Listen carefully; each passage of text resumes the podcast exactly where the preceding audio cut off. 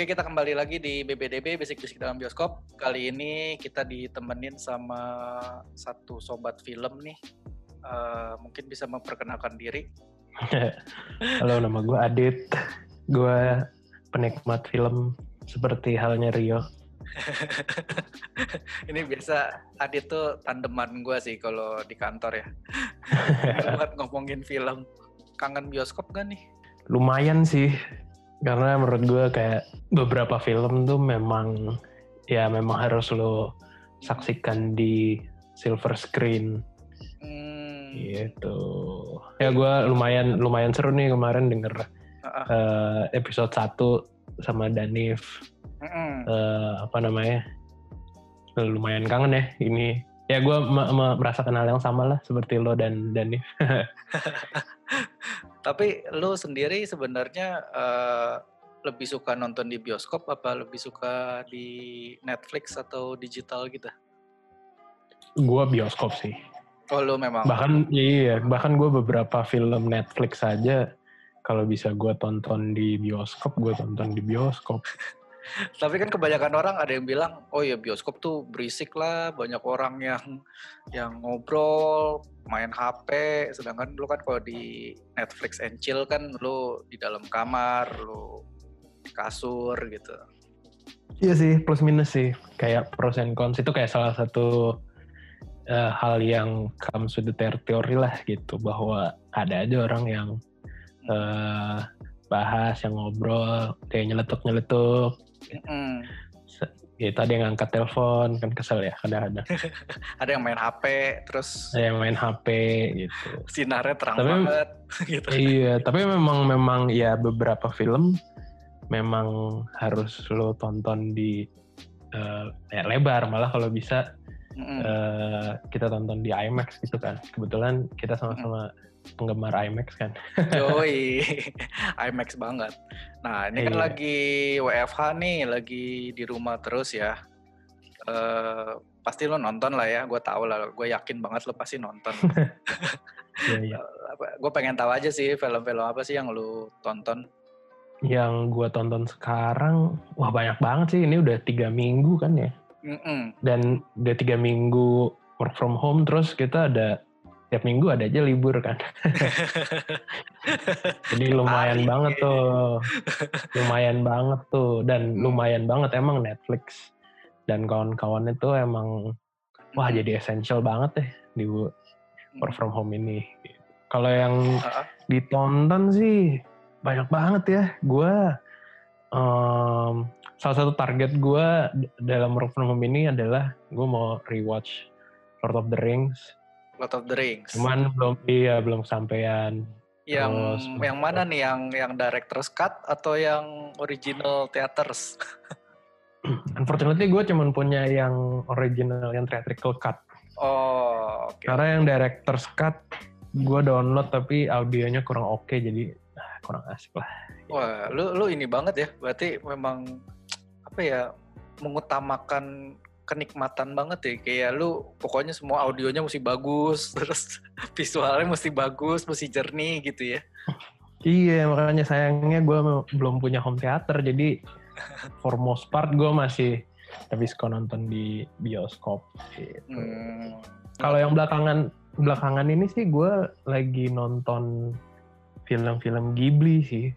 Oh. Ya, itu menurut gue salah satu yang rewatchable banget. Hmm, ada favorit gak film uh. Ghibli lo? Ini lucu nih, gue tuh memang ya gue biasanya yang udah gue tonton berkali-kali tuh ya udah jelas lah Totoro, Mm-mm. House Moving Castle, Mm-mm. terus dia gitu um, Ponyo gitu-gitu ya. Mm-mm. Tapi kayak kan belum lama ini kan masuk di Netflix kan beberapa yeah. katalog studio Ghibli. Semua gue baru ya?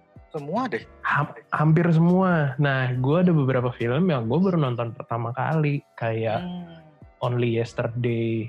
Oh iya. Wah, dan iya, itu iya. ternyata ternyata bagus banget deh. Gue baru hmm. baru baru tahu lagi kalau itu gokil banget gitu. Iya. Yeah. Only Yesterday, terus Whisper of the Heart. Whisper of the Heart itu, itu iya bagus. ternyata temanya tuh nggak kayak ya Miyazaki kan memang lebih terkenal sama Totoro, Ponyo, Mm-mm. terus Tales of Princess Kaguya gitu-gitu. Ternyata yang temanya real dan dewasa tuh Mm-mm. wah gila nggak kalah bagus gitu. Mm-mm.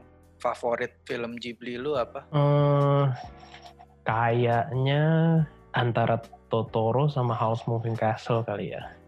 Kenapa lu nggak suka Mononoke? Mononoke sebenarnya kalau dibilang bagus bagus nih. Cuma kalau Ah, ah. dibilang suka, menurut gue memang lebih klasik Totoro. Terus Oh, kalau eh, ininya kalau story-nya gue lebih suka House Moving Castle. oh, Even gue suka Porco, gue suka Porco, Iya, iya. lebih suka Porco Rosso dibanding mm-mm. Mononoke gitu. Ini karena Only Yesterday kayak gue harus berpikir ulang nih. lu mesti list Oh. lagi ya kayaknya. Iya top studio Ghibli dan gue lagi nonton chronological gitu kan. Jadi gue Oh. nonton berdasarkan tahun keluar. Gile, gile, Gua- gile, mantap. Iya, dan gue baru nonton sampai eh, kemarin tuh Whispers of the Heart. Ya itu bagus banget sih. Gue suka banget. Itu ada lanjutannya kan, Cats Returns kan. Iya betul. Mm-mm. Bahkan gue sampai oh ntar gue kalau udah selesai katalognya Ghibli nih gue pengen nonton Lupin the Third sama Castle Cagliostro. Itu kan Ya, bukan film pertamanya Miyazaki ya harusnya. Bukannya itu yang Iya, jadi- tonton pertama. Iya film pertama tapi sebelum dia bikin Ghibli pas dia masih gabung di studio film apa Toei ya kalau nggak salah. Kalau gua sih personally gua Mononoke emang Princess Mononoke kebetulan film Ghibli pertama gua yang gua nonton. Terus eh, tiba-tiba gua langsung suka aja gitu. Nah, kebanyakan orang tuh kan memang orang apa suka banget sama Spirited Away ya. Spirited Away. Betul betul. Itu juga gue ngerasa film-filmnya dia tuh kayak 80% klasik gimana ya. Pixar ngikutin banget sih menurut gua. Kayak sekarang ya, saat ini ya. Oh banget. Kayak dari dari komposisi, dari cerita, dari sinematografi gitu-gitu. Mm-mm-mm-mm. Niru banget. Tapi menurut gue memang ya bisa jadi ya at least menurut gue ya Miyazaki itu kayak filmmaker Jepang paling influential setelah akhirnya Kurosawa sih. Wih deh. Kayaknya lu bakal sedih banget ya kalau dia nggak bikin film lagi nih. Iya dan untungnya kan dia lagi bikin nih, cuman ya nggak tahu deh kapan keluarnya. Iya, nggak tahu juga. Soalnya eh, satu hal yang gue ngeh nih dari filmnya Ghibli, eh, itu kan dia kan sama kayak Pixar nih. Pixar kan sekarang belakangan ini filmnya nggak ada tokoh antagonis ya. Jadi, nah itu tuh yang gue bilang tuh belajar banget sih dari Ghibli. Karena Ghibli juga so far yang gue lihat tuh nggak ada antagonisnya tuh nggak ada yang jahat banget gitu loh. Nggak ada yang kayak apa sih kan Iya iya iya. ya Darth Vader-nya lah gitu yang benar-benar musuh yang harus dikalahkan bersama gitu. Menurut gue tuh nggak ada gitu film-film Ghibli itu semua abu-abu aja gitu. Jadi yang baik ya bisa jadi nggak sempurna, yang jahat juga nggak jahat-jahat amat gitu. Returning timnya adalah atau recurring timnya adalah ya penjahatnya atau yang awalnya villainnya tuh eh, biasanya ada aspek di belakangnya di terakhirnya tuh ada remorse, ada oh Mm. ternyata dia tidak se segitunya gitu. Gara-gara kemarin denger episode 1, gue pengen download ini nih The Invisible Man, gue juga belum sempat nonton. Oh iya iya iya Invisible Man itu bagus sih itu bagus. Gue baru nonton sih. Iya, itu gue lumayan nyesel. Ini gue ceri- ada cerita sedikit nih. Jadi gue lumayan lumayan menyesal. Terakhir kali gue nonton di bioskop sebelum eh, era staying at home dan di rumah aja ini adalah gue nonton satu film horor buatan Indonesia. Eh, lu pasti tahu lah Tahu lah. buatan salah satu bros itu yang Langsung sebut nama super- aja kayaknya nih. eh, jangan jangan ya ada buatan para bros itu Itu gue lumayan kecewa gue baru setengah jam gue keluar dari ini.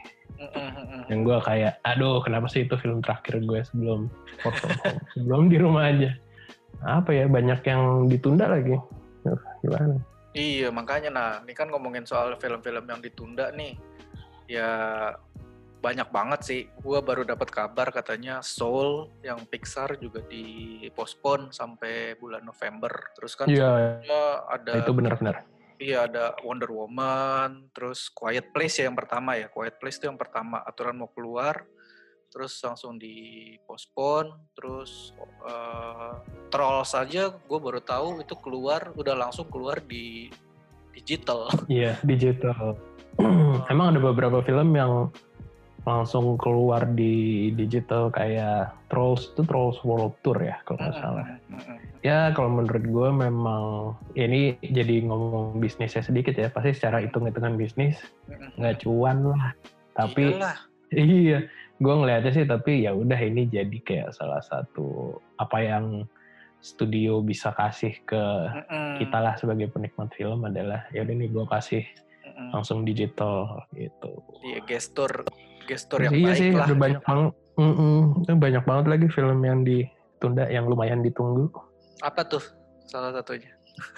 Apa ya? Soalnya kan udah mau summer nih sebentar lagi. Jadi Yoi. kayak ya yang jelas sih pastilah kita kalau ngobrol kan pasti nggak jauh-jauh dari film comic book and superheroes ya.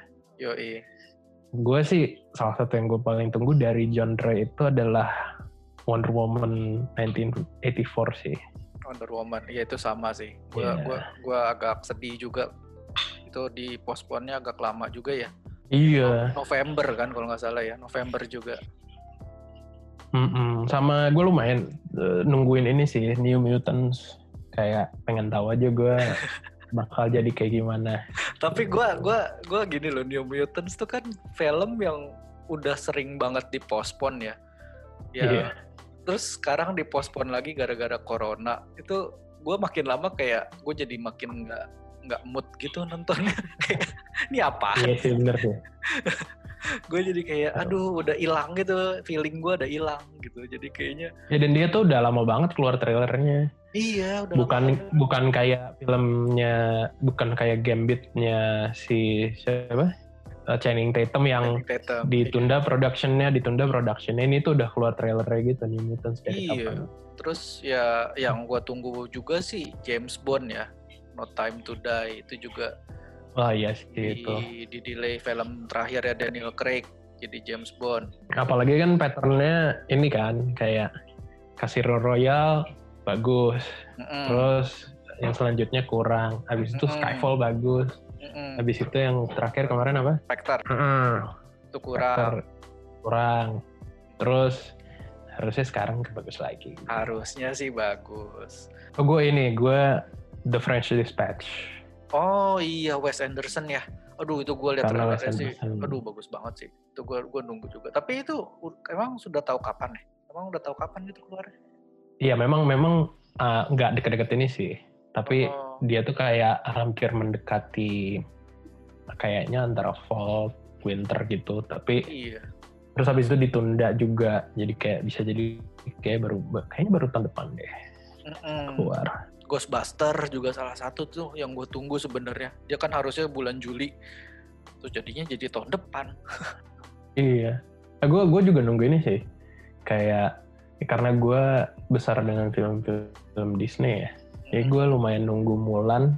Tapi oh iya iya. for different reasons gitu. Gue antara kayak gue antara pengen tahu Mulan bom atau enggak kayak Hmm. bagus atau tidak bagus. Mm-mm. Karena so far ya menurut gue lumayan mix sih film-film live actionnya Disney. Iya, yang terakhir kan kurang ya Lion King ya. Menurut gue ya secara visual bagus cuma atau ya gue masih cinta Iya. mati sama yang animasinya sih. Iya banget, setuju banget. iya, heeh. kayak nggak ada emosionalnya gitu loh. Iya, gue ngerasa magicnya hilang, apalagi di apa ya facial expressionnya tuh jadi ya blend Iya. banget, khususnya kayak Timon, Pumba gitu-gitu. Iya benar benar benar. Nah terus juga gue lihat nih ada eh, Top Gun juga Top Gun mundur. Iya, kan- Top Gun mundur. Eh, eh, Top Gun terus ya sisanya sih New Mutants, French Dispatch, terus Soul, Sangchi juga jadi mundur. Terus Eternal juga yang harusnya tahun ini jadi tahun depan. ya jadi emang ya Netflix sih penyelamat Iya, kita yang suka nonton Iya iya iya benar-benar. Tapi ya lu sendiri ada rekomen nggak untuk teman-teman yang pendengar nih buat tontonan Netflix gitu? apa ya Netflix? Gue sejujurnya ya itu sih lebih lebih nontonin film-film yang lama ya. Hmm, jadi rewatching film-film sama TV series yang lama. Hmm, kalau film sih apa ya kalau menurut gue sih stick to your roots aja gitu. Kayak apa yang lo suka ya lo tonton aja itu. Hmm, kalau gue pribadi juga karena suasana work from home gue juga jadi lebih prefer untuk gue akhirnya lebih banyak nonton film yang ringan-ringan yang lucu-lucu gitu kayak apa? Community gitu ya? nonton ulang. Oh, iya gue lagi gue lagi lagi nonton ulang community super kocak banget Gue jujur Dit baru nonton Community Dit. Tolong jangan katain gue. Gue baru nonton. ya nggak apa-apa lah karena itu juga mem- memang agak susah sih gue inget banget gue tuh di- udah diceritain adek gue dari kayak setahun sebelumnya bahwa eh ada serial baru nih namanya Community lucu banget dan gue baru nonton tuh setahun kemudian ketika gue lagi kuliah di Bandung dan gue lagi jalan-jalan ke toko DVD gitu hmm. ternyata ada langsung gue ini dan gue langsung suka banget Dan yang gue gitu. kaget banget ternyata itu eksekutif produsernya Russo's Brother ya. Anthony Russo Joe Russo bahkan dia yang ngedirect. bener Itu gue kaget banget Jadi- loh. Oh, Exactly. Jadi kalau nih teman-teman ya kalau mau mulai nonton serial yang kocak dan absurd, coba nonton di Community baru ada di Netflix. Itu eh, produsernya Russo Brothers dan nanti lo akan lihat. Jadi beberapa cast di Community itu eh, akhirnya eh, main di beberapa film yang di direct Russo Brothers di Marvel Cinematic Universe. Siapa Donald Glover itu kan Donald memang Glover. ya dia punya dia lumayan kan dapat peran gede Mm-mm. di eh, Spider-Man Homecoming. Tapi kayak beberapa tok eh, karakter atau aktor yang lain tuh dapat peran-peran kecil. Gue inget ada di Winter Soldier satu, ada di eh, Endgame satu, ada di Infinity War satu gitu. Ya lumayan lah. Jadi kayak Russo Brothers masih inget temen-temennya dulu pas bikin community gitu. Ya awal muasalnya jadi ternyata Russo Brothers itu dari komedi ya, bukan langsung terjun ke film komik atau film superhero gitu. Iya, benar benar benar. Nah terus creatorsnya juga salah satu favorit gua sih, yang kebetulan tuh si Dan Harmon ya. Dan Harmon tuh Iya. gua taunya kan Rick and Morty. Gue suka banget sama Rick and Morty. Itu gua Iya. ulang-ulang terus di Netflix.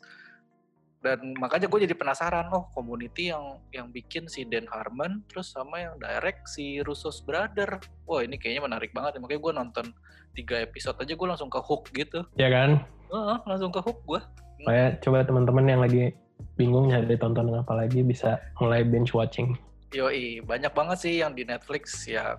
Ya ada juga yang nonton mulai nonton film-film Korea. Ya itu gua baru abisin The Kingdom. The Kingdom juga itu keren banget. Sama, gue juga baru baru nonton Kingdom.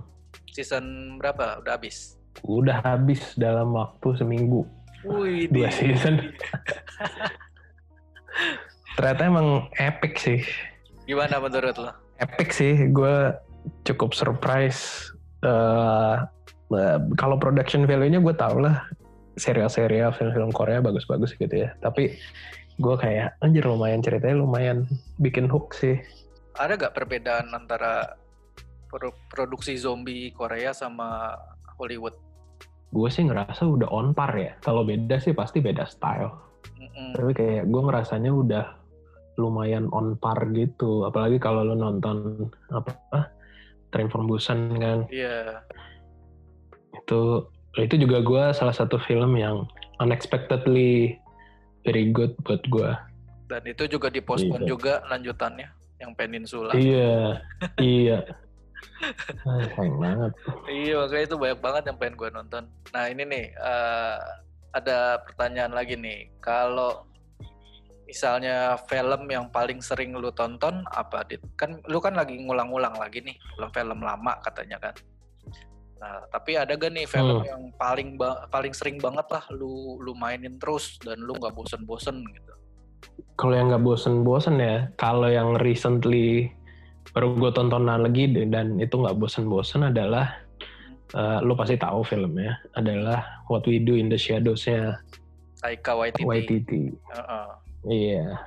Itu gue mungkin udah nonton 8 kali mungkin. itu nggak nggak pernah bosen. Mm-mm. Gokil, kocaknya parah banget. Iya, Kalau yang klasik sih. Klasik apa? Apa ya Jurassic Park gue nggak pernah bisa bosen sih. Dan itu udah berkali-kali. Berapa kali itu? Lu inget gak? Kira-kira, kira-kira lah. Wah kalau dari dulu sampai sekarang sih mungkin 15 kali ada kali. Tapi lu sempat nonton di bioskop ya? sempat pas pertama kali keluar gue masih SD kelas 5 atau 6 gitu. Gue rasa sih yang yang gak bosan-bosan tuh kayaknya film-film dari zaman masih kecil kali ya, kayak early yeah. movie experience gitu. Iya, yeah, movie magic lah. Menurut gue tuh itu movie magic sih, era-era itu kan di mana ya kalau Jurassic Park kan lu ngelihat dinosaur hidup gitu kan. Itu kan yang nggak terlupakan gitu. Kalau buat lu sendiri ada gak sih scene apa gitu yang yang memorable banget dari film Jurassic Park? Ya, kayaknya kalau ditanya ya film yang apa ya, adegan paling memorable, kayaknya adegan pas pertama kali dia ngelihat ininya sih, dinosaurusnya sih. Eh, waktu dokter Grant menganga itu itu, itu gimana respon lo waktu nonton pertama? Wah itu nggak tahu deh pecah sih kepala gue waktu itu. Gak dan yang amazing adalah sampai sekarang pun ketika gue nonton lagi uh, quality of the kayak special effects-nya gitu tuh masih masih, masih bagus, ya? hold up sampai iya. sekarang gitu. Setuju gue. Let's say Star Wars gitu ya uh, kayak ya trilogi pertamanya Star Wars itu kan dari mulai New Hope kan kayak setiap I don't know 5-10 tahun sekali pasti kayak ada remaster atau apalah gitu. Jurassic Park tuh nggak nggak nggak terlalu banyak di remaster tapi kayak gila masih hold up gitu sampai sekarang visual effects-nya. Iya, memang hmm. juga ngelihat juga itu masih bagus banget apalagi kalau lu nonton di di IMAX kali ya. Waktu itu kan sempat tuh keluar Jurassic Park yang di IMAX dan gue sempat yeah, yeah. itu itu masih masih bagus banget sih menurut gue masih hold up banget itu. Setuju sih. Kalau lo apa? Film yang gue ini sih film nomor satu di list gue sih favorit gue sepanjang masa. Uh, Indiana Jones and the Raiders of the Lost Ark.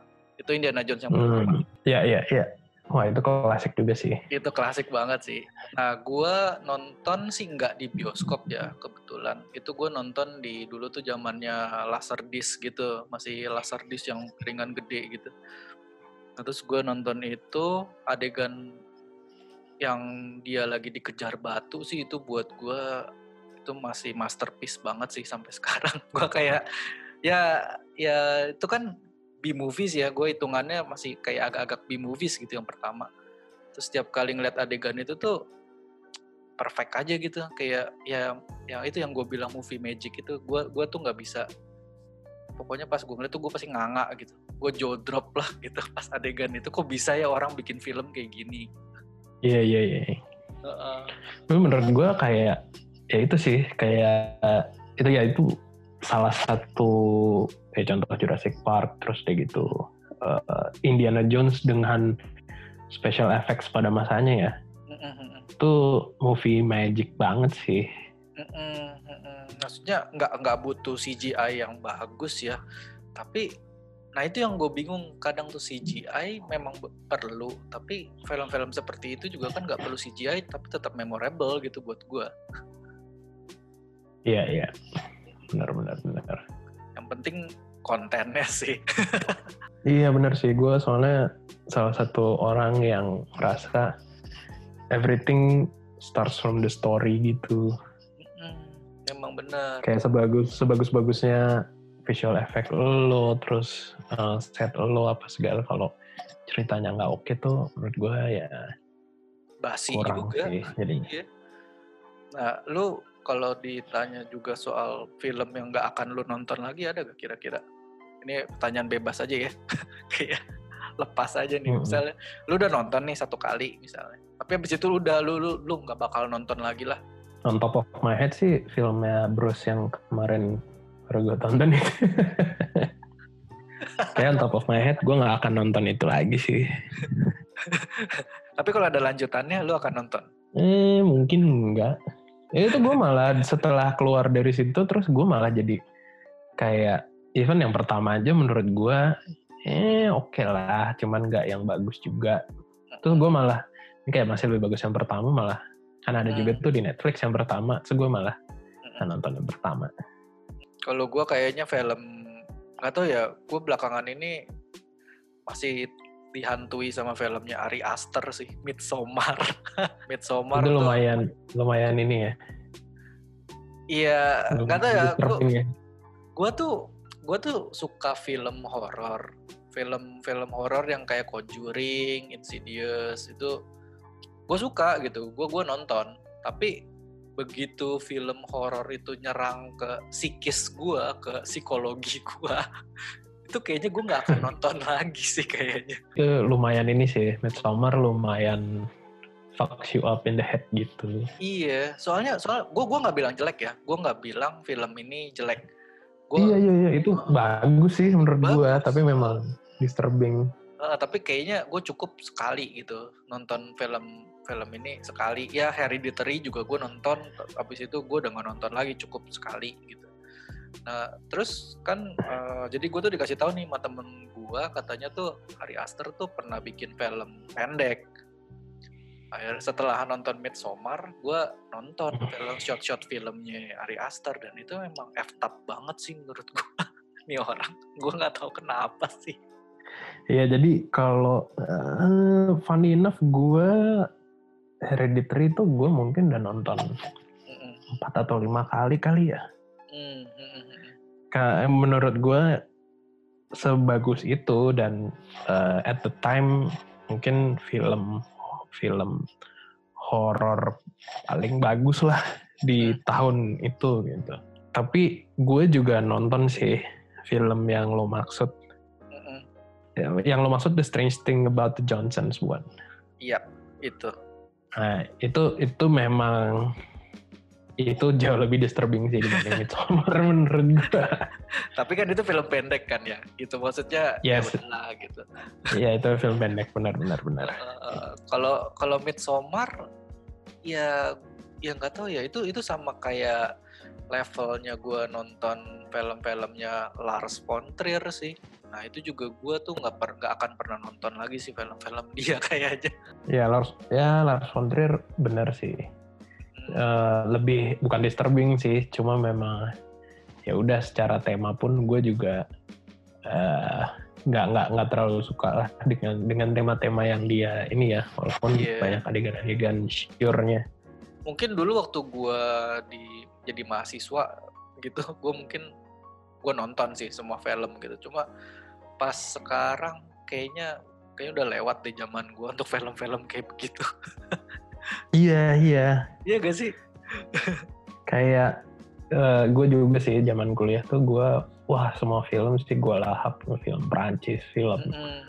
Hungaria, pokoknya Mm-mm. yang kira-kira kelihatannya bagus gitu-gitu. iya. Cuman kayaknya sekarang jadi apa ya kayak jadi lumayan lumayan picky gitu jadinya. Iya kayak aduh gue gue pengen nonton yang menghibur nih ya udah gue nonton film superhero gitu.